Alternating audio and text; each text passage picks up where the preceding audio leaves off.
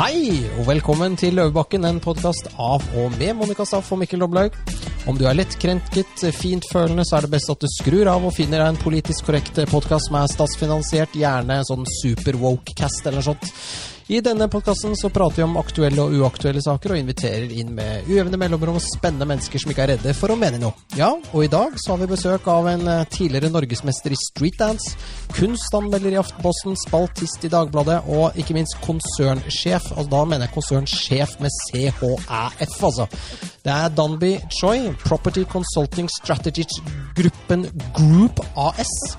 Men han er kanskje mest kjent for å være den uredde redaktør i kulturavisen Subjekt. Men før vi går over til Danby Monica, du er pakket inn i noe greier som ser veldig eksklusivt ut. Hva er det du har på deg i dag? Pels. Pels. Det ser ut som en sånn, eh, sånn sort panterpels. Eh, altså, jeg skulle ønske jeg kunne si at det f.eks. var Hva er det som er mest utrydningstruet av alt? Sort panter. Chinchilla? Chinchilla? Er Nei. det, er, det høres ut som en bikkje. er det Nei, det var Black Panther må jo være veldig dyrt. Ja. Nei, nei, men du, du skjønner at eh, av alle ting i hele verden så er jeg litt allergisk mot pels. Så dette er faktisk en veldig dyr fake. Dyr fake. Hvordan er det en frue som deg fra beste Frogner kan være fake mot pels? Nei, altså Er Eller- man allergisk, så Nei, er man fake. Jeg er Allergisk. Nå Ja, hvordan fikk jeg man- brainfuck her. Ja, du fikk et sånn mm. Ja. Men eh, nei, du, jeg vet da faen, jeg. Er ikke det litt flaut når du møter alle venninnene dine på Bet's Beauty, og så kommer du liksom de, sånn, En kommer i isbjørn, en kommer i mammut mm. Jeg vet ikke hva de går i.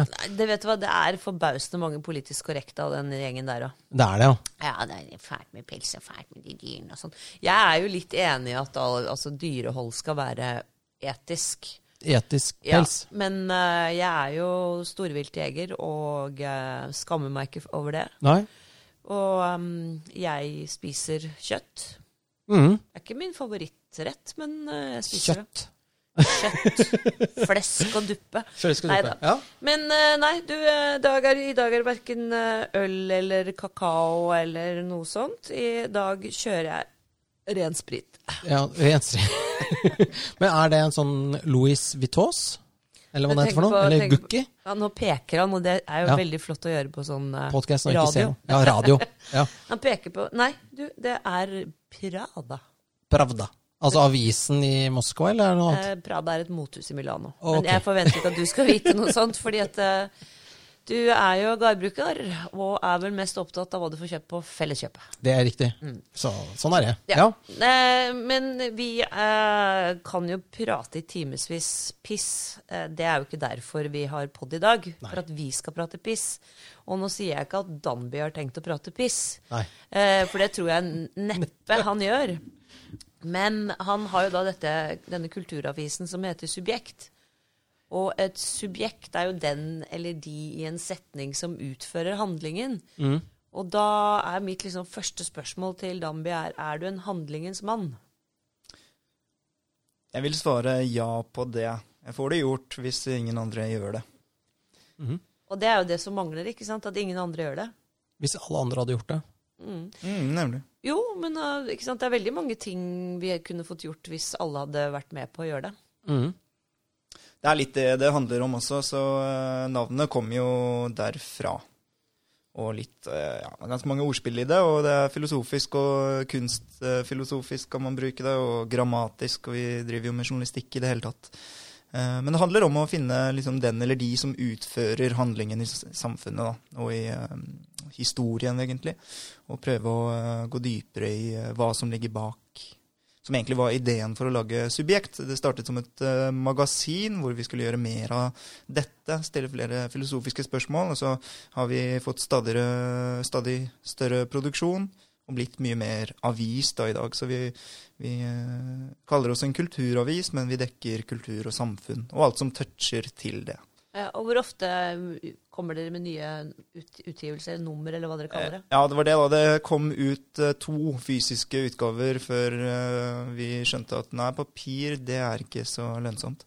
Så nå er vi bare, bare online, altså. På nettet, ja. Mm. Men har vi liksom ikke Klassekampen og Moen Blair til å ta seg av kultur og litt sånn eh, Hva skal vi si? Litt autorerte, vanskelige kulturelle spørsmål? Di diskutere lengden på et rep? eh, Alt dette. Nå er jeg bare litt sånn ironisk, da, men Jo, du skjønner greia? Eller trenger Jo. vi Ja. Og de må gjerne fortsette å gjøre det. Og så, og så gjør vi det vi gjør, som Ja. er å ikke gjøre det. Og så skrive kulturjournalistikk på et forståelig språk, og, og ikke minst utfordre den politisk korrekte journalistikken og sånn, da. Nettopp! For Altså, det er dere, det som er gult. Dere Ja. ligger da på, på, på nettet som en, ikke sant, og, og oppdaterer jevnlig, eller er det Ja, altså, Nye utgaver. I det siste har det vært liksom seks artikler daglig, så, så det har jeg aldri bedt om, egentlig. Så jeg håper vi snart får inn eh, flere som kan være med å deske. Vi får en kunstredaktør eh, 1. mars, eh, og litt sånn eh, forskjellig. Men, eh, men eh, jo, eh, når det er sagt, jeg eh, liker både Klassekampen og Morgenbladet. Så jeg syns det er eh, dritbra aviser. Og Aftenposten eh, for øvrig. Ikke alltid, men det er jo ikke sånn at eh, eh, de representerer alle meningene de publiserer eh, heller. Og Klassekampen har jo faktisk lagt seg på en sånn anti-woke linje, spør du meg, i det siste. Eh, Mari Skurdal mot eh, både mm, transbevegelsen og eh, Eller hun tør da å kritisere og stille de spørsmålene. Eh, og hun har ikke lagt seg mot dem, men hun tør å ta de debattene. Ja. Det er jo hvor, hvor, ja, Hva for det er, skjedde jo en der? del, Ja. det er jo en del sammenhenger at du faktisk ikke får lov til å stille spørsmål engang. Du skal liksom bare være enig. Mm. Mm. Og det, det var vel disse eh, kunststudentene på K- KIO, var det ikke det vi lærte oss? Kunst? KHIO. KIO, de sier KIO. Jo, man sier bare KIO, ikke KIO. Ja, Ja. Men det der det med den knelingen og sånn, ikke sant, som da forventes at alle skal gjøre, og da er det ganske liksom tøft å la være. Ja, og da var jo du så vågal at du Eller det var ikke du, for det var jo noen som stemte dem frem, da, men du har sikkert nomin, vært med å nominere dem. Ja, absolutt. Ja. Og, og i det hele tatt så såkalt uh, break it, som man sier på pressespråket, eh, den saken eh, startet jo i Subjekt. Hele den uh, KIO-debatten som ble en av fjorårets største rasismedebatter. Ja. Eh, så det startet med vel, at, vel med at vi fikk eh, brev, et internt brev eh, som vi lekket i Subjekt, og så siden så bare balte på seg. Hvordan, du er jo en ung redaktør. Eh, 27. Stemmer. Du er, ja, vi sier 27, han er jo tross alt Bærum og Tåsen-gutt, eller Tøyen. Opps, Oppsal. Oppsal var det, ja. Ja. 27. Eh, Jeg bare tenker på som en ung, eh, ung redaktør, eh, og så Du er jo litt sånn breskete da, ikke sant? Du, du, du, du, du kjører på med en sånn hard sak, på en måte, og så kommer alle disse store, ja, gamle og liksom, Føler du det? At, de liksom, at du, kom, du må ikke komme her og komme her? I det siste litt. Jeg merker at eh, så snart vi trår inn på Altså, vi tar jo Det er jo litt feil å si, men eh, kanskje Jo, vi tar over eh, litt og litt da, større markedsandeler, og da merker vi jo at det naturlig nok kommer tøffe redaktører og skal markere sitt område. Men, men det er ikke der jeg merker størst hva skal vi si, om ikke utfordring, hindring, da. Eh, Det kommer egentlig fra folk som er yngre enn oss. Eh, De eh, leser eh, ikke så mye avis, etter hvordan jeg forstår det, men de er eh, ganske woke. Ja. Eh, Og finner det problematisk at eh, vi eh, kommer her og kommer her, men eh, egentlig så gjør vi jo vår, altså det alle journalister alltid har gjort, og det er å kritisere liksom, eh, både bevegelser, trender og fenomener i samfunnet. Mm. Og det at de, du sier at du, du oppfatter at de ikke leser så mye aviser. Altså, det er, er det en slags sant, Man kaster seg på dette woke-greiene på en litt sånn kunnskapsløs måte? Ja, det er jo det det går i, dessverre. At man, at man, man har liksom dårlige analytiske evner. Eh, og så tolker man liksom eh, saken eh, veldig, veldig enkelt og overser alle nyanser. Og man leser egentlig ikke saken, man ser hvilken hudfarge folk har, og om de er berettiget til å si noe. Det er jo det identitetspolitikk handler om. Ja. Men, men, eh, men eh, Ja, altså Jeg beskriver woke som de som er så årvåkne at de ser spøkelser, altså problemer som ikke finnes. Og da, og da er man veldig observant, og man skal fremstå veldig smart, men man, man eh, ser jo egentlig et spøkelse, noe som ikke er et problem. da. Ja, må du det? Nei, bare snakk Nei, jeg bare først tenkte som på vanlig. som, ah, nei, ja, eh, Gentleman first. Nei, nei men, men det jeg tenker har på ikke det er sånne regler regler Jeg tenker jo på at uh, først så var det litt sånn at det, det, man tenkte seg nøye om, og så sa man noe hvis man hadde noe å si. Og da tenker jeg litt på den eh, kunnskapsløsheten vi omgir oss med. Da. Altså Hvis du har historiekunnskap eh, og på en måte kan noe, så er det ofte du Det er da du kan påpeke disse rosa elefantene i rommet. da. Og da, da skjønner du hva de driver med, disse hva for noe, disse årvåkne menneskene. Men jeg tenker på dette med Det er det det heter sånn critical Alt som har med sånn kritisk raseteori, kritisk, kritisk Det er vel litt av problemet. For kritisk betyr jo egentlig, Monica, at hvis du sier noe, så skal jeg prøve å finne ut hva var det du egentlig sa, og egentlig mente. Ikke sant? For jeg mente noe annet enn det jeg sa. Det er alltid en bakenforliggende, liksom skjult agenda med det Ja. jeg sier. Så når du sier at vi skal ta trikken som går klokka fire, så mente du egentlig tre. Eller altså, Det går jo ikke an å ha en samtale hvis du skal mistenke nei, folk for det. det var egentlig ment som et litt sånn åpent spørsmål til deg. Ja, ja.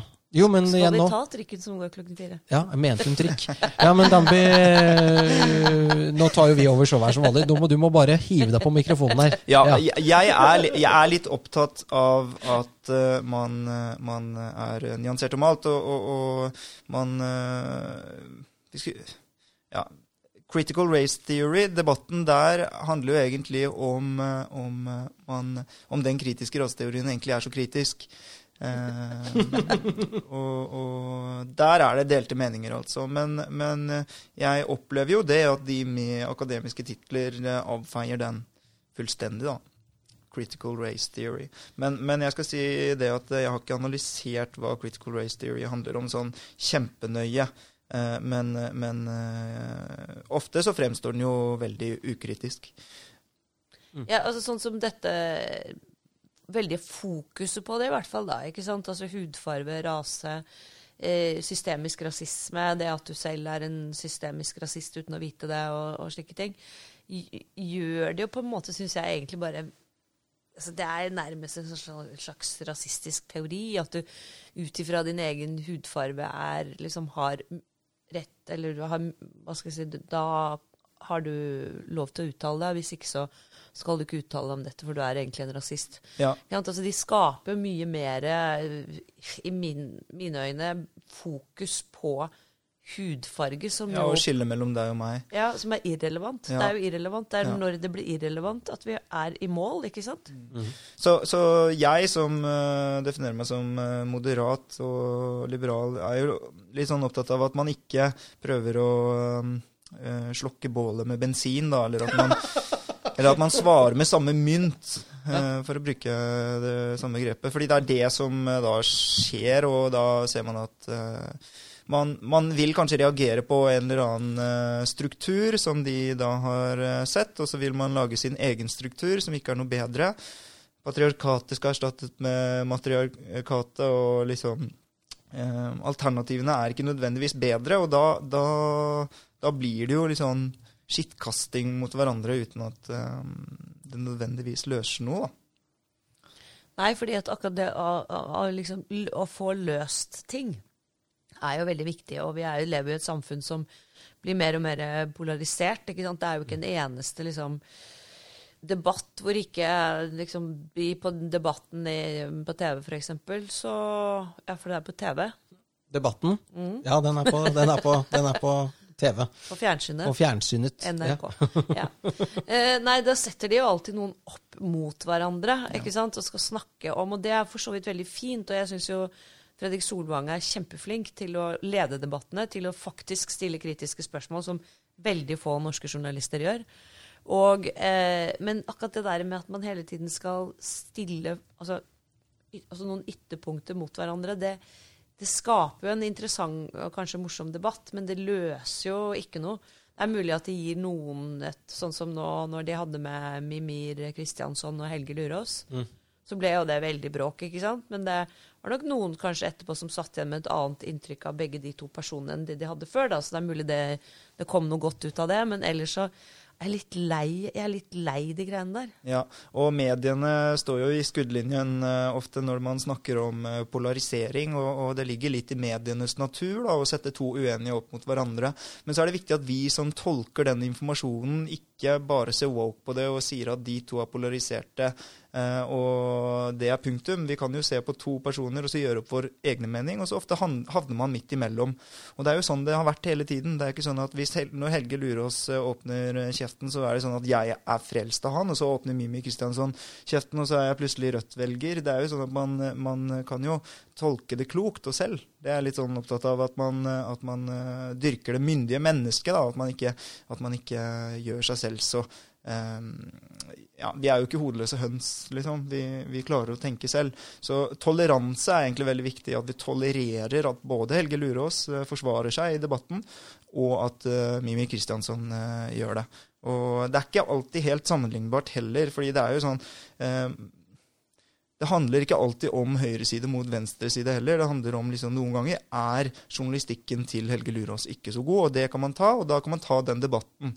Jeg er helt imot uh, at man skal uh, på automatikk, da, siden at Helge Lurås er, eller står på den siden som han gjør, så skal ikke han få lov til å snakke. fordi hvis han snakker, så blir alle smittet, og de klarer ikke å tenke selv. Sånn er det jo ikke. Nei, nei, nei. Så, så når en islamist snakker eh, på TV, eh, Fahad Qureshi eller eh, noe sånt, så blir ikke jeg islamist. Du begynner ikke med jihad med det første, liksom. I, nei, ikke med det første, men det er jo sant at eh, jeg håpet at folk begynte å gå med burka etter det. Nei. Man gjør jo ikke det. Nettopp. Hva er det, hva er det uh, kjønnsspesifikke tildekningsplagg? Ja, kjøn, ja, og det er jo det som er liksom inn igjen, da. Mm. At man liksom har tildekningsplagg som er spesifikk på kjønn. Og det er jo Istedenfor å si en hijab. Ja, og, men, det, men, det, er jo Kjønnsspesifikke de, tildekningsplagg. Jo, men det høres jo liksom nøytralt ut, men poenget er da det er jo ikke lov Altså, hva, hva er kjønn? Ja, det òg. Det har kommet inn på en ganske morsom debatt etter Oi, hvert. nå må du begynne å sensurere poden her. Ja, nå begynner det å gå unna her. Vi har jo en sånn absurd eh, Jeg stakk jo fingeren min inn i det vepsebordet her, for at eh, det sto i Klassekampen, så var det nå begynte de å, å, å beskylde feministene for å være transfobiske. Ikke sant? Kvinnegruppa 8 ble Kvinne- beskyldt. Alt mulig. Og så skrev jeg bare at fobi det er jo en måte en, en psykisk sykdom som er irrasjonell. At du har fobi mot mus, eller fobi mot uh, edderkopper, eller fobi Mm. mot piggdekk. Altså, altså det er på en måte en Det er en sykelig angst. sykelig angst. Og så tenker jeg at det er jo ingen Agorafobi. ja, ikke sant? Men det er jo ingen som er fobiske mot trans... Altså, det, det handler ikke om det. Det handler bare om at kvinnegruppa 8 er uenig. Men, og da kommer det stemplingsgreiene. Og da smalt det, gitt. Og da Fy faen, jeg fikk eh, Det var helt kjempemorsomt på en måte. Men du blir jo redd, da. At det finnes så mange gærninger der ute. Men jeg syns den Ja. eh, debatten er ganske fascinerende, fordi der er, der er det så mange parter.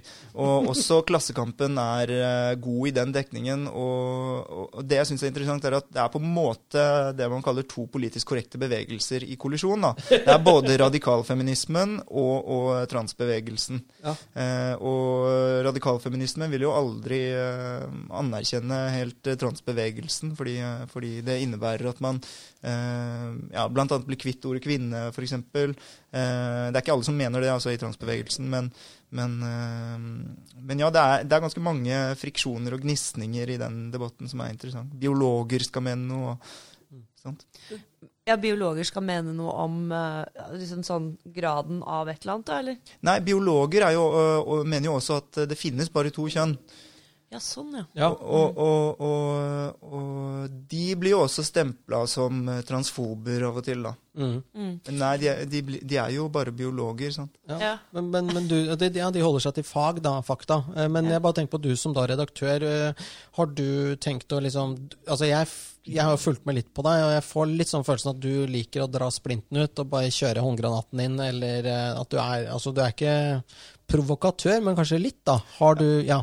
Jeg mener også det, altså det som er litt farlig, er at alle fag politiseres nå. Så den biologen ved å si uh, 'Kan jeg snakke nå? Jeg er biolog. Skal jeg si om det er han eller hun?' Takk. Takk for ordet. Jeg har fasiten. Uh, all forskning tyder på at det finnes to kjønn.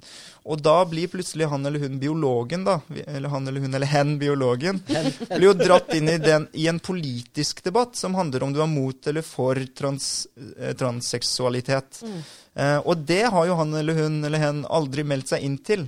Han eller hun eller hen skulle delta i en samtale om biologi. Så, så det skjer med absolutt alt nå. Så, så det er, jeg er litt sånn bekymret over at kunstfaget politiseres, journalistikken politiseres osv. Og for å svare på spørsmålet ditt, da, så er det sånn at eh, jeg, jeg, kaller meg radikalt moderat. Jeg er bare sånn imot radikale bevegelser som hindrer meg i å gjøre min jobb. Og jeg er redaktør og journalist. Jeg skal til rett, altså Det står i redaktørplakaten at jeg skal verne om ytringsfriheten, at jeg skal legge til rette for debatt og frie ord og sånn. Så jeg, jeg går til angrep mot den første som hindrer meg i den jobben. Og hvis det er en transbevegelse, så havner jeg plutselig i konflikt med transbevegelsen. Men jeg har aldri hatt lyst til å altså, være ekspert i biologi eller transpolitikk. Det eneste jeg sier, er at vi må få snakke om det her òg. Og hvis du hindrer meg i å snakke om det, så har vi en konfliktlinje, og da er jeg plutselig transfob. Eh, ikke sant? Og, så, ja. og, og, det skjer med alle fagene. Så jeg, liksom, jeg, lurer på, Snakker vi for mye om politikk? Er alt politikk? liksom? Noen ting er faktisk bare kunst. Noen ting er bare journalistikk. Noen ting er bare biologi. Så det, det Jeg lurer ja, på om Hvem ja. politiserer alt, da? Mm.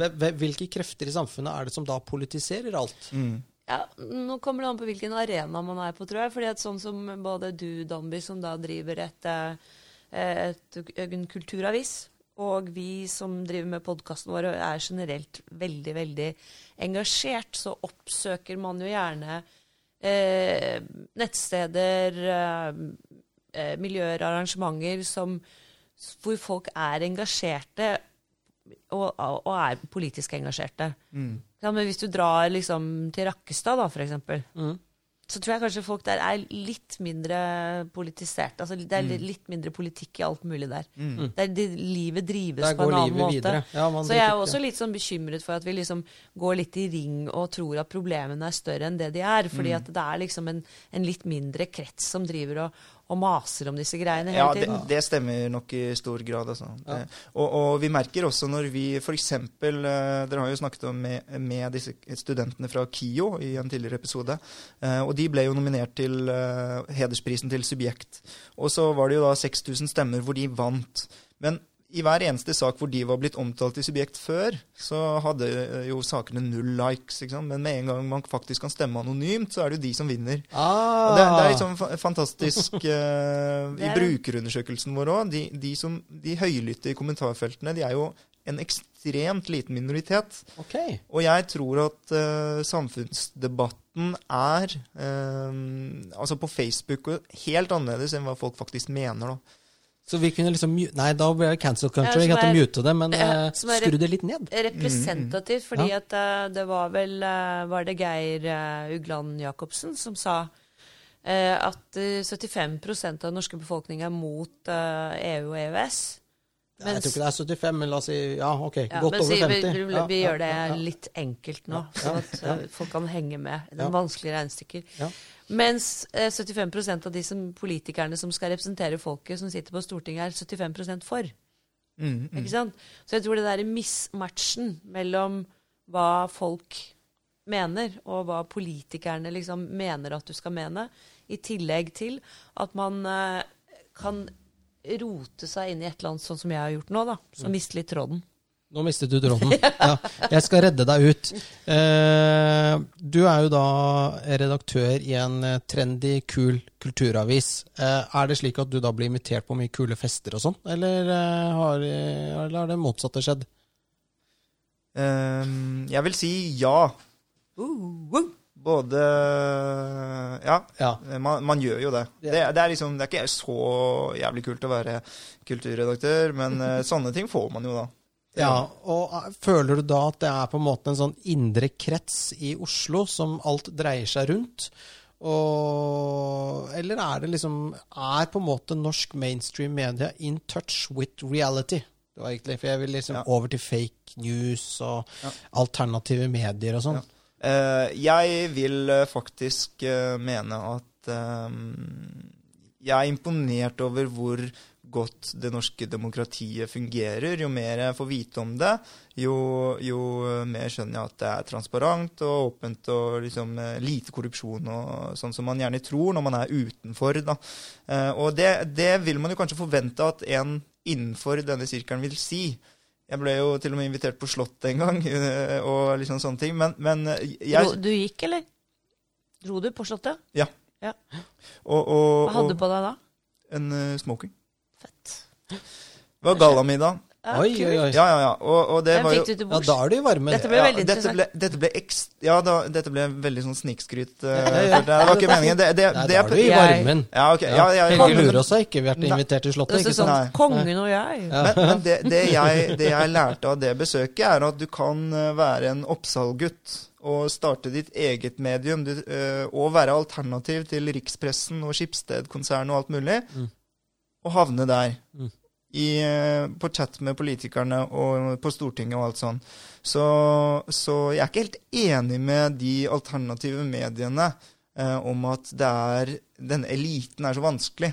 Eh, men, men, men, men selvfølgelig, det finnes jo kretser og alt mulig. Jeg, jeg deltar i mange, forskjellige slike, men, men, men eh, jeg vil si at det er ganske Altså, det er mye lettere å oppnå Oppnå det i Norge enn i USA, da, eksempel. Mm. Ja, du tenker på å komme liksom nærme der hvor avgjørelsene blir tatt. Ja. Og de som sitter og bestemmer, som sitter med makta, som vi kaller det. men, Ja. Norge, ja, Norge er et merokrati, da. Du er på en måte Du kan bevege deg Ja. i, opp og ned, holdt jeg på å si. Ja. Og både i mar markedet er jo også sånn. Altså The American Dream er lettere å oppnå i uh, Norge enn i USA. Og, både poli og politisk også. Mange av de stortingspolitikerne har jo mailadresse offentlig ikke sant, på stortinget.no. Det er bare å sende dem en mail. De mottar den. Mm. Mm. Ja da, og de har til og med registrert bostedsadressen sin i, eh, på 1881. Mm. Du kan gå på Gule sider eller hvor som helst og finne ut av hvor de bor. Mm. Mm. Så, så, så den der elitekritikken da, og, og den, eh, den er ikke alltid like betimelig, da, syns jeg. Mm. Mm. Eh, subjektet, det, det, det er jo en ung avis. Liksom, hvordan er reisen vært? Uh, skjønte du hva du tok på deg, eller ble det litt sånn oi? Da du starta dette? Du har jo hatt en idé. Mm. Um, det skal sies at da jeg var 18 år, så så jeg ikke for meg at ehm, nødvendigvis skulle være min fulltidsjobb, og at uh, det skulle gå, eller noen sånne ting. Det var egentlig bare for gøy. Jeg var 18 år og, og ville lage et magasin. Uh, og så har det bare ballet på seg, og jeg har noen ganger sett bakover og tenkt liksom Oi, det, nå er vi plutselig relevante, og vi kan ikke gjøre feil, og det, det blir liksom Det ble litt mer alvor. ja, det ble plutselig skikkelig alvorlig. Mm. Eh, og, um, men det er ikke så ofte man tenker over det, fordi man driver med brannslukking hele tiden. Sant? Og, og går Ok. ett steg av veien. Ja, Ja, ja, det er jo det er korona og debatter. Og, Ja, ikke sant? Og med overgangen fra liksom at man liksom holder på med noe litt sånn på kødd. Russeavis. Mm. Ja, Ja, ikke sant? For da, da, da trenger man jo heller ikke liksom stille seg så veldig mye til ansvar. Nei. Men i det øyeblikket man faktisk da blir tatt på alvor, da, som er kanskje det man ønsker, Mm. så må man jo passe veldig på. Mm. Man er ansatt og må Mm. sørge for at de eh, får betalt og har det bra. Og Mm. liksom, veldig mange ting jeg ikke tenkte var en del av det å lage magasin da jeg var 18 år. Som du ikke nødvendigvis hadde peiling på heller. Nei, nemlig. Mm. Og det er jo et ekstremt, ikke sant, bare det å Altså, det er arbeidsgiveravgifter, og det er Pensjon, ikke ja, altså det er utrolig mange ting som går inn under det der HR Hva heter det? Human, Rights. human rights. Resources. Human HR. Resources, HR. Ja, men altså det, det er Og du, du Ja. har et voldsomt ansvar hvis du ansetter mennesker. Ja. Og det er klart at hvis du liksom kommer inn i det litt sånn fra- på sidelinjen, holdt jeg på å si, fra skeiva, Mm. Så er det ganske mye som skal ordnes opp i, og da kan det bli litt liten tid til å bli kultur, være kulturredaktør. Ja, for du sa br brannslukking. Hva Mm. skjer? Nei, det kan være Har du ansatte som bare setter fyr på alt, eller? Nei, ok, sånn ja. Nei, jeg mente, jeg mente, litt- jeg, jeg mente det metaforisk. Altså, plutselig, ja, plutselig så kommer det jo en eh, Halve omsetningen vår er jo annonseinntekter fra kulturinstitusjonene. Mm. Og så har de måttet holde stengt og har ikke noe å annonsere for en periode, f.eks. Mm. Eh, da må man plutselig satse masse på abonnement, og det var liksom brannslukking, da. Eh, men det har gått veldig bra, og jeg tror at eh, vi står veldig godt rustet når vi er over det her, og det gjør vi allerede. Og det går eh, over all forventning, altså. Hvor mange lesere har dere? 100 000 unike uh, i måneden. Oi, ja da. 300 000 sidevisninger. Vi er, vi er færre enn uh, Resett og Document, men vi har oftere rett enn dem, da. Chang-ching, og det er jo faktisk i seg selv det er kanskje det viktigste. Ja. Uh, så der, der, der Men, kom den. ja, men uh, nå er det jo det, det, Og det fins sikkert Det fins jo noen En nettside, har jeg sett, Lykten, Det er en Ja, det er jo Hva er det for noe? Nei, men det er mye rart. Det er jo folk som sitter hjemme og lager eh, i gåsetegn journalistikk, da. Ja. Det er mye rart. Men det jeg tenkte på, var jo eh, det å bli tatt seriøst, ikke sant, det er jo eh, Jo, men da må du ha et ansikt, ikke sant. Altså, Mm. alle, altså For å kunne kalle deg et redaktørstyrt mer, så må du ha en redaktør som du vet hvem er, som har et telefonnummer, som du kan på en måte eh, Ikke være en anonym et eller annet. Men det jeg tenkte på, har du vært i PFU ennå? Er det liksom, er det, er det din store skrekk å bli dratt inn der i en eller annen sak? Pikant sak? Eh, vent, da. Jeg skal bare være litt forsiktig med å Jo, OK. Uh, det jeg kan, jo, jeg kan jo gjerne snakke litt sånn uh, meta og morsomt om det. Vi har aldri blitt felt i PFU. Ok, men det har vært dratt inn der, liksom? Vi har fått en PFU-sak eh, mot oss. Nå lurer jeg på om jeg svikter Redaktørinstituttet når jeg sier det her, men jeg sier det likevel. Eh, det er eh, altså sånn at man Det er jo helt naturlig, det. Equinor-sjefen vil jo aldri snakke kritisk om olje. Og vi redaktører, når vi får en PFU-klage mot oss, så vil jo vi gjøre alt mulig for å egentlig få den saken vekk. Eh, helst, helst ikke behandlet. Eh, så, så jeg mener jo jeg var en veldig god redaktør da jeg ringte vedkommende eh, og spurte hva vi kunne gjøre for å bedre situasjonen. Kunne vi gjøre et intervju? Kunne vi få denne personens perspektiv på plass i stedet? Jeg er ikke sikker på om vi hadde blitt felt i PFU, men en PFU-felse vil vi ikke ha. Så, eh, Så du har vært liksom på galeien, holdt ja, jeg på å si? Ja, ja, vi Ja. ble klaget inn. Ja. Og da tok jeg og ringte vedkommende, og da skal man, som hadde klaget. som hadde Ja. klaget. Og så prøver man, øh, uten å betale penger, å få Minnelig, vedkommende minnelig løsning. All, Det er akkurat det der. Minnelig løsning. Fire helsider om olje i subjekt, hvor bra den er, osv. Nei, hva tuller. jeg. Ja, ja. jo, jo, men, eh, jo, men det er jo det dere er pålagt, kanskje også. Det Ja. tilsvar og sånn, da. Ja. Ja. Nei, øh, det var, det var egentlig ingen stor hemmelighet. Og det der oljeeksempelet, jeg mente bare at skal jeg, skal jeg si det at vi redaktører prøver å få til minnelige løsninger? Men selvfølgelig gjør vi det. Det er jo veldig klokt. Man, mange flere burde søke å finne minnelige løsninger på veldig mange konflikter. Ja. Absolutt. Ikke sant? Konsensus og enighet det skal man ikke kimse av, selv om det kan ta tid. Mm. Det er jo demokratiets svøpe. Det er det. Det er en At, eh, reise i uenighet. Ja, og da vil, vil det ikke sant? Jeg vet ikke hvor mange år brukte de på å finne på å legge med den hovedflyplassen opp på Gardermoen. Veldig mange år. Folk datt ut av vinduer og greier. Ja, og ja, det var skummelt. Det var skummelt. Men, det er jo eh, ikke sikkert at det bare var uh, ja. Ja. Men det jeg tenkte på, var jo også med, med I og med at du har stukket hodet ut av vinduet og tar gjerne litt sånn kontrære eh, ikke kont Jo, vi kan si kontrære standpunkt. Har du, du har jo til og med blitt beskyldt for både det ene og det andre. Hvordan, ja, For rasisme, til og med. Eh, hvordan, liksom, hva tenker du rundt eh, diskursen rundt disse debattene nå? Du som også i tillegg er, er på en måte du, du- Ja, du er norsk, men, eh, men, men 100 koreansk blod. med, ikke sant? Og, og, og, og så blir du liksom bare da kalt for det ene og det andre. Hva tenker du rundt dette her? Hva er det som skjer? Ja, det er øh, Oi, hvor skal man begynne når man skal se på hva som skjer? Uh, ja, vi kan prøve å ta det fort, da. Jeg tror egentlig at uh, det frie ord har blitt demokratisert i voldsomt tempo. Og det er veldig bra på mange måter. Eh, alle kan lage en podkast. Alle kan kritisere hverandre. Alle kan bli hørt. Alle har potensial til å gå viralt med en Facebook-status. Eh, og mm, det kommer med et visst ansvar som ikke har eh, ja, eh, blitt lært i like voldsomt tempo. Da. Så nå eh, er det ganske mange som er med i debattene, som eh, gjerne skulle mm, fått en liten innføring i både presseetikk og hvordan medier fungerer, i retorikk og alt mulig, egentlig. folkeskikk og Takk Folkeskikk, ikke minst. Så, så rasismeanklager sitter jo ganske løst i brystlommen hos mange, da. Og det er jo en eh, grusom eh, betegnelse å få på seg. Eh, og dessverre så er det sånn at det ofte treffer også veldig mange Det resonnerer med veldig mange. Mange sier ja, han er en rasist. Så det lønner seg å bruke det òg. Mm. Eh, og det er jo litt sånn synd, da. At eh, det blir sånn at eh, dessverre handler det ikke alltid om å ha rett, men om å, om å stemple best. Eh, så det kan jo hende at jeg bruker eh, tre dager på å skrive en tekst fordi jeg gjør masse research.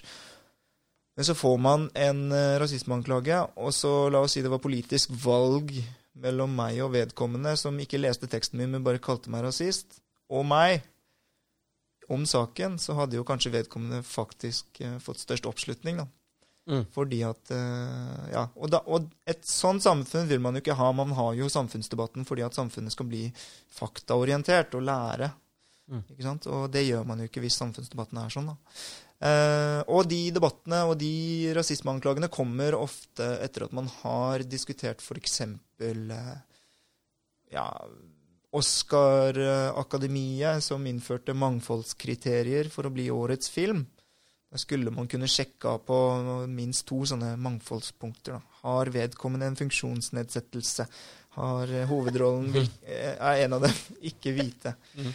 Eh, og, og hvis man da sier det vil jo gå på kompromiss med den kunstneriske kvaliteten, da er man rasist, for eksempel. Da. Ja, okay. Og det, det blir jo litt enkelt. Litt for enkelt. Ja. Eh, og ja Den debatten har jeg havna i noen ganger.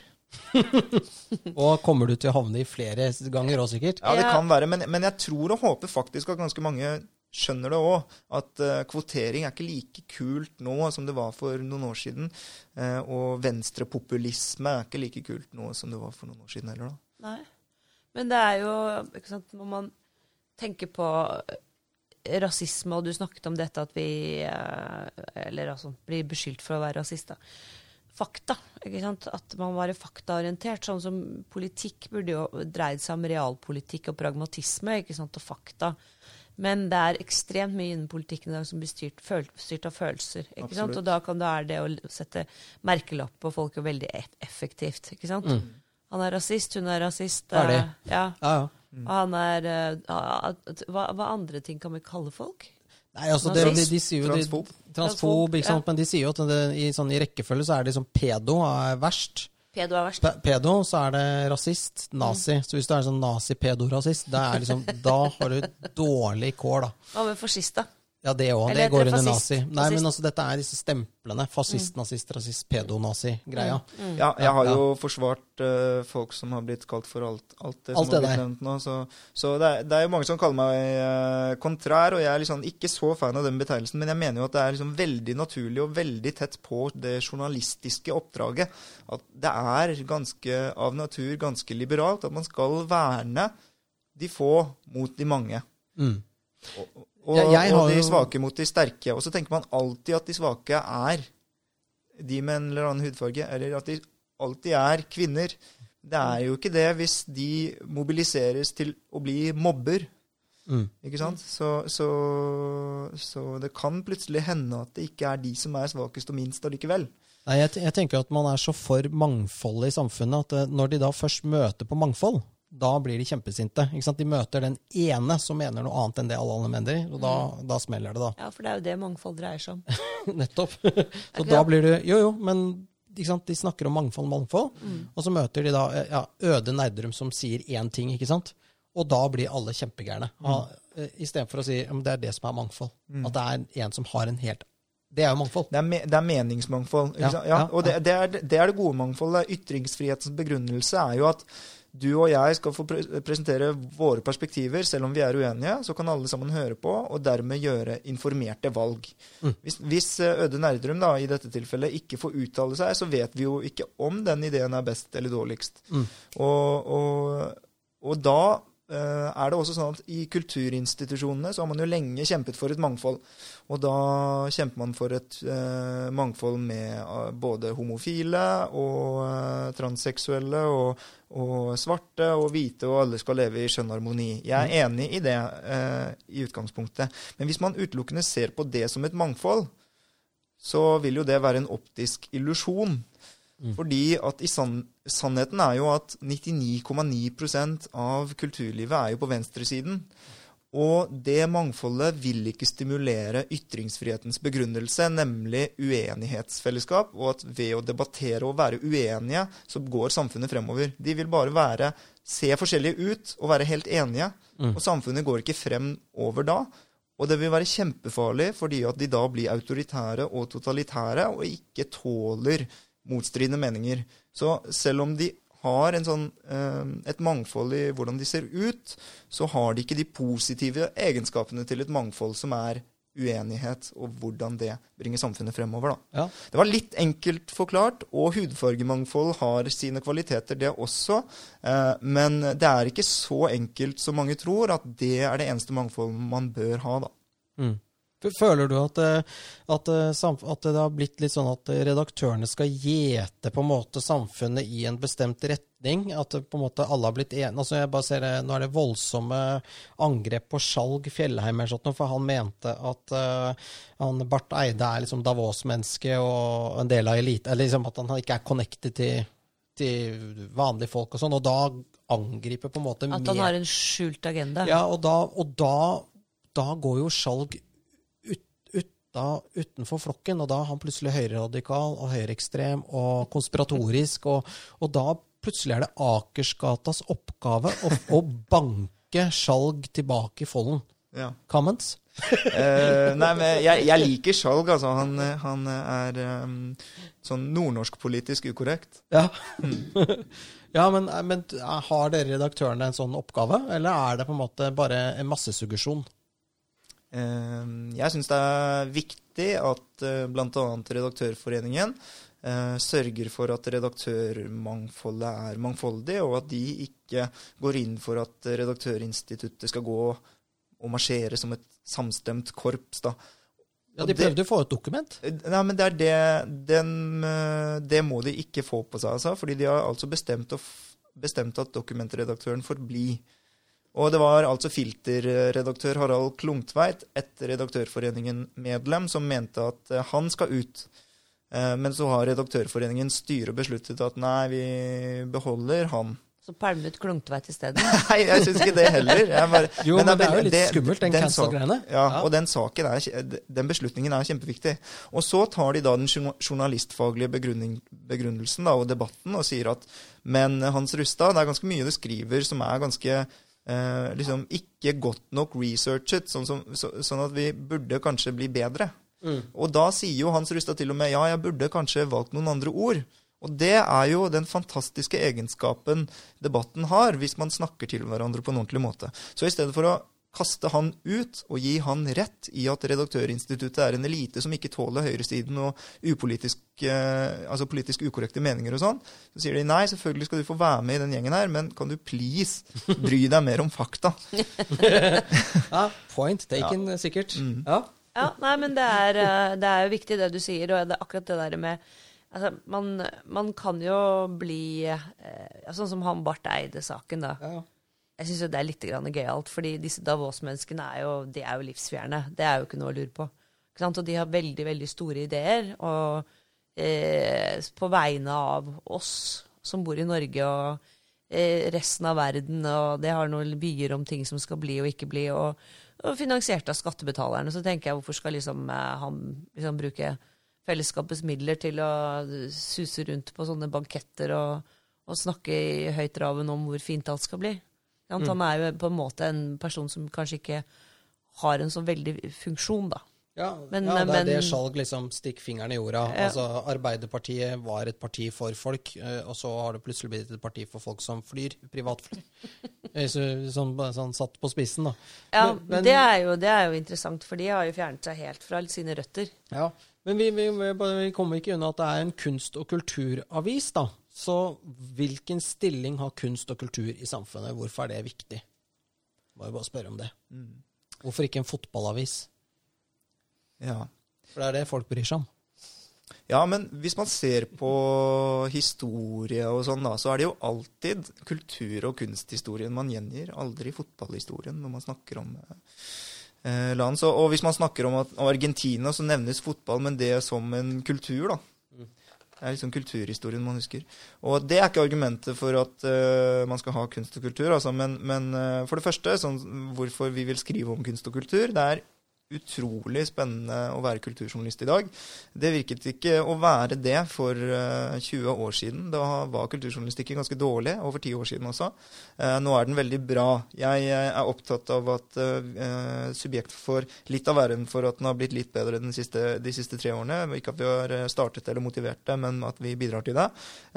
Og, og kunst og kultur er viktig i samfunnet, særlig nå da, under polariseringen og alt det som skjer. at at eh, man eh, at kulturinstitusjonene tar oppdraget sitt alvorlig.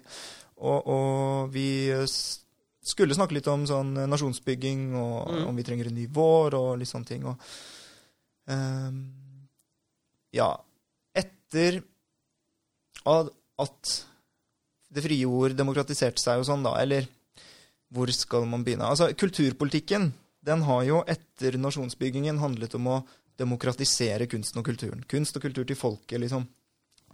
Um, og det har uh, skjedd, men det er bare veldig viktig at den uh, kulturinstitusjonene ikke blir normative og, og, politisk korrekte, men at de faktisk rommer et ekte meningsmangfold. Og det er enda viktigere fordi at man har fått en sånn ny nasjonalistisk bevegelse også, da, syns jeg. Siden uh, kommunismens fall på 90-tallet, så har jo også i Europa uh, det kommet nye nasjonalistiske bevegelser og sånt. Jeg tror at samfunnet kommer til å bli mye mer mangfoldig, hudfargemangfoldig osv. Men da må vi også uh, sørge for at toleransen øker, at vi tolererer hverandre, tolererer uenighet osv. Uh, og der har venstresiden også mye å gjøre. Men du sier jo at kulturfeltet er liksom 99,9% på venstresiden. Mm. Og da vil du ikke få, da vil du ikke få noe meningsmangfold. Ikke sant? Ikke sant? Mm. Så det er, det er, det jeg sier, og det er derfor jeg også avslutter med at der har kunst- og kulturfeltet veldig mye å gjøre. Eh, en jobb å gjøre. Eh, man ser det også på Kunstakademiet i Oslo. Eh, den debatten som pågikk der.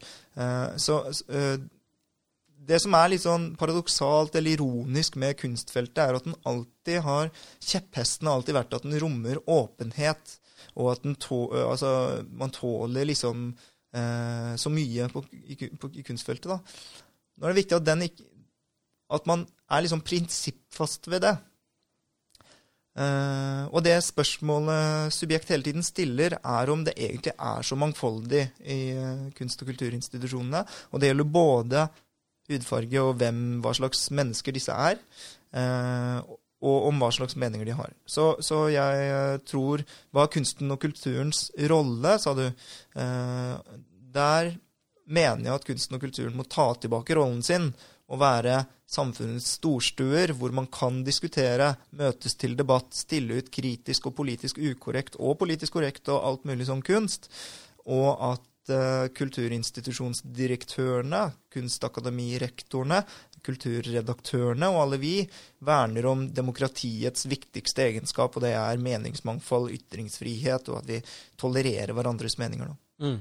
Ja, og det er jo en mangelvare. Ja. Og det er jo, hvis du ser på, så handler det jo også om at um, mye av norsk kulturliv er jo uh, subsidiert eller statsstøttet. ikke sant? Altså, mm. stat, avhengig av statlige overføringer. Og da får du også et kulturliv som slåss om den samme potten. Mm. Det, altså, øh, ja, og, og, det som er litt sånn og, altså, underdekket, er jo det at øh, kulturlivet er jo allergiske, allergisk mot private penger. og de klikker hvis Equinor skal sponse et, uh, kultur, et korps eller en kulturinstitusjon. Kongsberg Gruppen har hele veien nesten finansiert Kongsberg Jazzfestival osv. Og, og, da, og nå har Kongsberg eh, Festival Kongsberg Jazzfestival, etter press fra musikkbransjen, avsluttet den, det samarbeidet.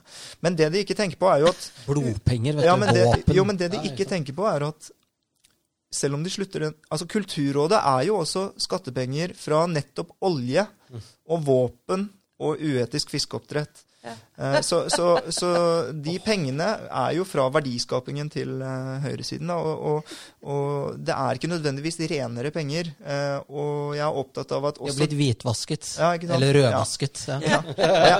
Og jeg er også som fritt ord Subjekt hadde aldri eksistert uten fritt ord. Og kulturlivet hadde ikke eksistert slik de gjør uten Sparebankstiftelsen DNB, som deler ut ca. like mye som Kulturrådet, som er private penger. Kavlifondet. Mm. Så, så, jeg tror ikke de egentlig nødvendigvis må stå på venstresiden, eh, alle som jobber med kunst og kultur. Men det er liksom de som eh, Men man tror det.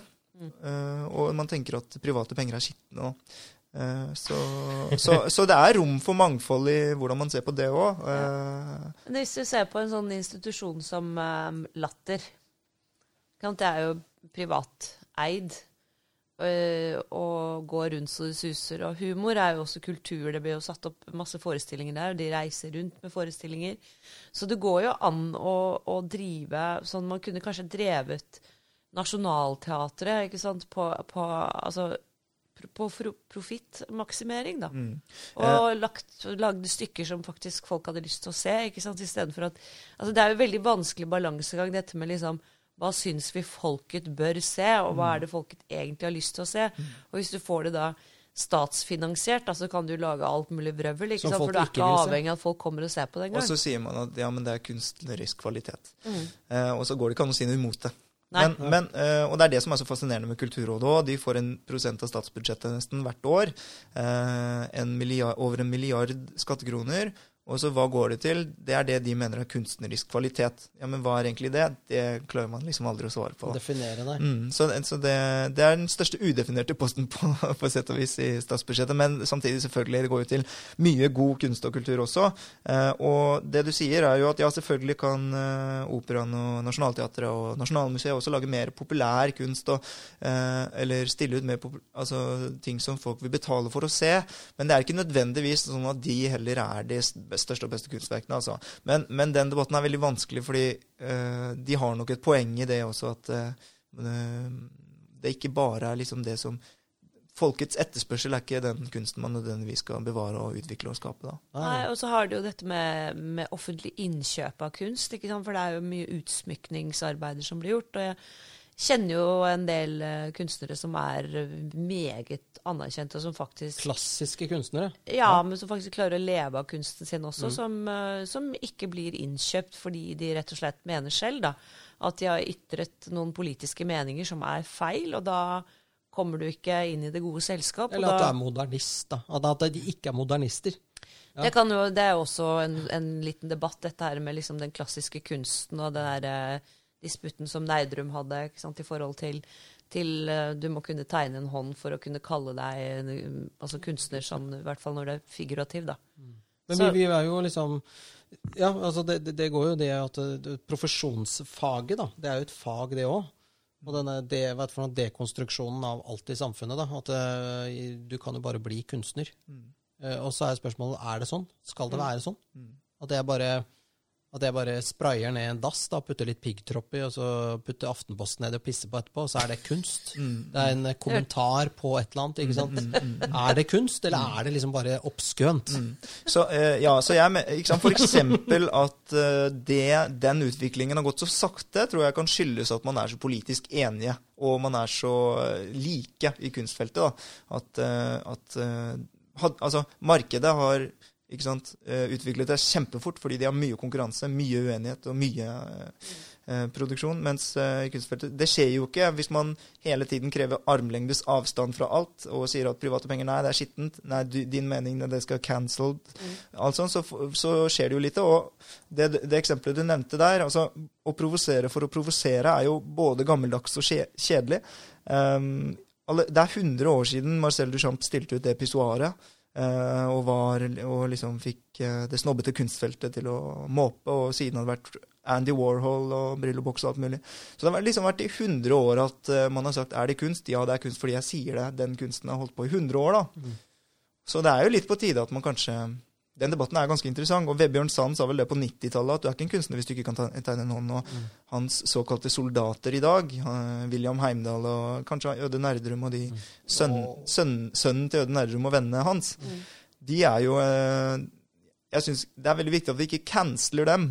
Sånne ting er jeg opptatt av. Jeg lukter jo en vår, da. At Øde har jo fått veldig mye oppmerksomhet etter Farmen. ikke sant? Jeg tror jo at, eh, at pendelen kanskje svinger litt nå. da. At det, å være konservativ kanskje blir kult igjen. da. Det, det kan godt være, altså. Eh, Og jeg er i hvert fall interessert i at det ikke At de bevegelsene, motbevegelsene, at man ikke får en sånn allergisk reaksjon mot dem. Fordi de bringer faktisk eh, samfunnet videre. Og det er ikke sikkert Øde Erdrum eller en eller annen har rett i det. Sitt ene poeng.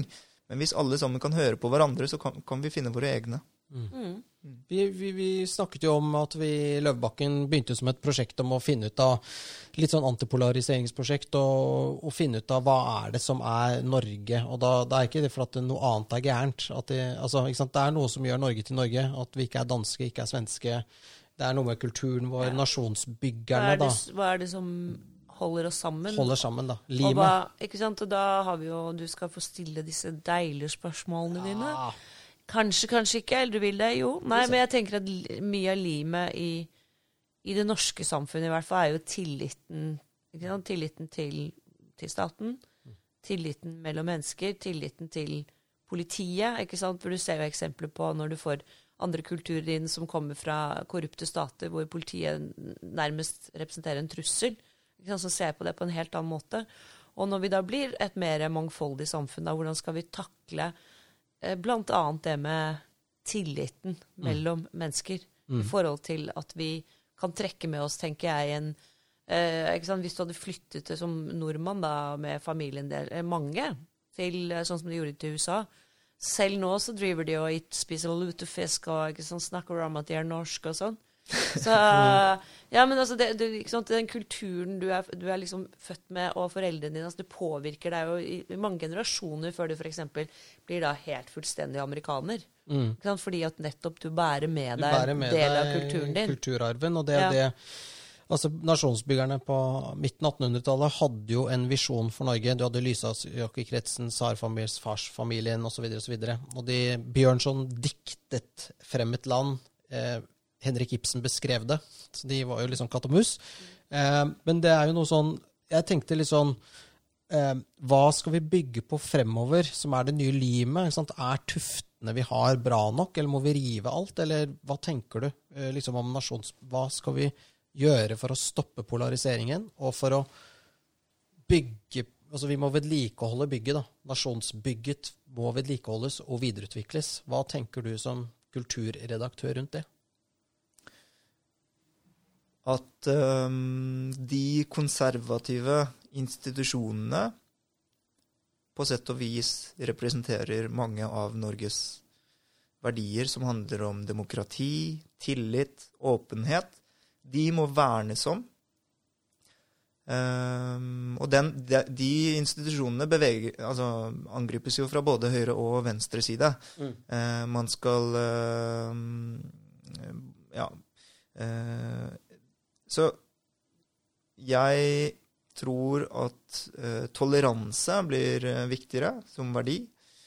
Eh, og at man må fylle det moderate vakuumet eh, etter eh, polariseringen. Eh, og det skal subjekt være. Vi er sentrumsorienterte og anti både politisk korrekte eh, og antiradikal høyre og antiradikal venstre. Eh, radikalt moderat og egentlig opptatt av å fylle det sentrum Mm. egentlig litt, da, og, og gi det mer substans. Eh, fordi jeg mener at det i ja, Jeg vil ikke kalle det nasjonsbygging, egentlig, men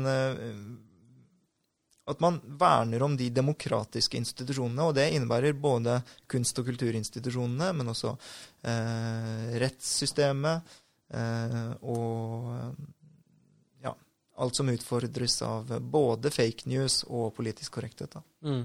Kan, kan kunsten spille en rolle i det?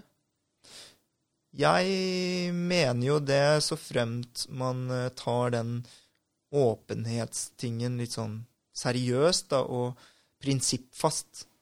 At hvis kulturinstitusjonene virkelig er mangfoldige, virkelig er rause og virkelig er samfunnets storstuer og tolerante, da er jo virkelig dette limet i samfunnet. Fordi man kan gå dit og presentere forskjellige ulike meninger eh, uten å bli kansellert. At man på Litteraturhuset faktisk kan gå og få seriøse debatter hvor ikke alle sitter og er helt enige, men uenige, og at eh, man ikke blir uvenner som publikum etter den debatten fordi man har en sånn tolerant forståelse av hva en debatt er, og at folk er uenige osv. Så, videre.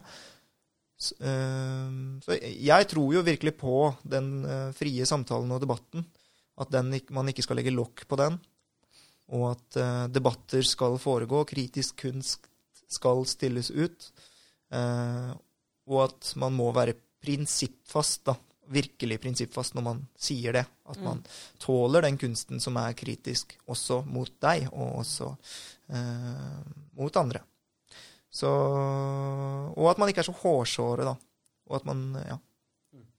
Ja, hårsår er vel et uh, nøkkelbegrep her. Ja, det tror jeg faktisk Og, du veldig- meg, og jeg er helt enig med deg, man må være prinsippfast i forhold til en, sant, et grunnlag som er på en måte verdiene våre, da, eller uh, hva jeg skal si. Altså, også sånne enkle ting som bare folkeskikk. Ja, Mm. Folkeskikk. Ja, ja. Ja, ikke sant? At man liksom For det har jo vært i litt sånne bølger eh, siden 70-tallet med hvordan man oppdrar barna sine. ikke sant? Skal de oppdras som fri oppdragelse, eller skal de lære seg å si takk, og skal de lære seg å hilse pent? Og, og jeg tenker at mange sånne ting er veldig trygghetsskapende for oss mennesker. At vi vet hvordan vi skal møte hverandre. ikke sant? Sånn som nå i korona, hvor vi ikke kan liksom håndhilse lenger, så blir det jo veldig mye sånne rare nå har begynt med albuene. Jo, men det gir trygghet å ha en ramme på liksom hvordan vi møter hverandre. Og det med debatt er jo veldig viktig at man skal kunne debattere eh, med noen uten å, å sant, gå, fly i synet på hverandre. Og også kunne En debatt burde også kunne gjøre sånn at du i en eller annen sak faktisk kan skifte mening uten at du blir beskyldt for sant, et eller annet. Fordi at det å skifte mening, det er jo essensielt. Mm. At du kan liksom Dess mer du lærer om en sak, dess mer skjønner du at hm, dette har jeg tenkt feil på. Mm. Ikke sant? Det er sånn. Og det er jo det debatt er til, egentlig. Så- Opplysning. Ikke sant? Så da må man ha en kultur for å kunne beklage, men det krever også en kultur for å tilgi.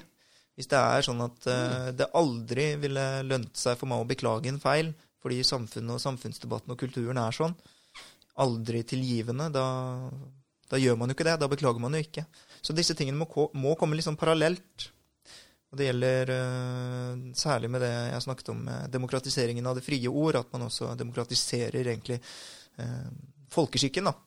Og, og stilen rundt debatt. Mm. De har jo det i England, så har de sånn der i- i- Oxford så har de sånn der debatt... Hva heter det for noe sånn debatt... Ikke debatt, jo. Debattskole, nærmest. Mm. Altså retorikk, der de Ja, det, er sånn, det er et fag, liksom. Ja, ja, og der, du, der, der er det litt sånn Monica, i dag så du, skal du være for Jeg vet ikke eh, For eh, tvangsinnlegging av barn med et eller annet Eller altså Korona. korona. Jo, men altså, så, du får en sånn helt Og så skal du være imot, og så skal man Altså, du lærer deg om å argumentere for ting du faktisk er imot, eller ting du er for, og så møtes de til sånne debatter. Det er sånn debattklasser, da, på en måte. Og det er jo en veldig sånn Så sitter folk da og noterer ned og bare Ja, det var ikke et argument, det var bare retorikk, det, ikke sant. Kanskje det er en del av oppdragelsen? Kanskje skolen skulle hatt mer av det? Ja, jeg har uh, lenge ment at uh, presseetikk i hvert fall burde inn uh, på ungdomsskolen eller noe sånt. Mm. Og bare sånn at folk forstår hvordan medier fungerer, og debatt og alt mulig sånt. Mm. Ja. Ja. Og folkeskikk på internettet, og det er mange ting. Ja, det er vanskelig. Det er gøy å, det er gøy å skrive med caps lock hele dagen. Ja, nei, og folk um, um, Det å møtes ansikt til ansikt har jeg også veldig troen på, fordi at uh, det er veldig lett å sitte på Facebook og være kjekkas, ikke sant, og, og tøffe seg. Men idet man møter hverandre som mennesker, så kan man faktisk eh, snakke til hverandre på en ordentlig måte og kanskje lære noe. Det er jeg også helt enig i. Jeg syns man skal eh, ikke tenke at alt er sort eller hvitt, politikk og ideologi. Noen ganger så er det bare fag, og noen ganger er det bare ikke så viktig for eh, livene til alle som eh, Og det trenger ikke å ødelegge vennskapet sånn. Så eh, man kan eh, egentlig bare være venner og slutte å snakke om politikk noen ganger, da. fordi at eh, dersom det faktisk ikke eh, har noe med to venner å gjøre, så, så kan det faktisk ødelegge vennskap som det ikke trenger å gjøre. Og sånn er egentlig Facebook-debattene, og det er litt synd. Mm. Enig. Jeg tenker jo at, eh, som kong Harald ville sagt, med disse bevingede ord, så erklærer jeg herved Løvebakken for avsluttet. Og du, Monica, du kan jo da ta noe, den videre seremonien. Eh, Ja, eh, send oss gjerne noen e-poster liksom, på Helst nye ikke. Helst ja, ikke. ikke. Helst ikke. Ja, Nei, ikke så mye e-poster. Send blomster. Send blomster, ja. Absolutt. Yes, Monica. Nei da, vi, vi høres eh, ganske snart igjen eh, her fra Løvebakken og Løvens hule. Og med dette vil jeg bare si på gjensyn og sayonara. Tusen takk for at du kom. Takk for meg.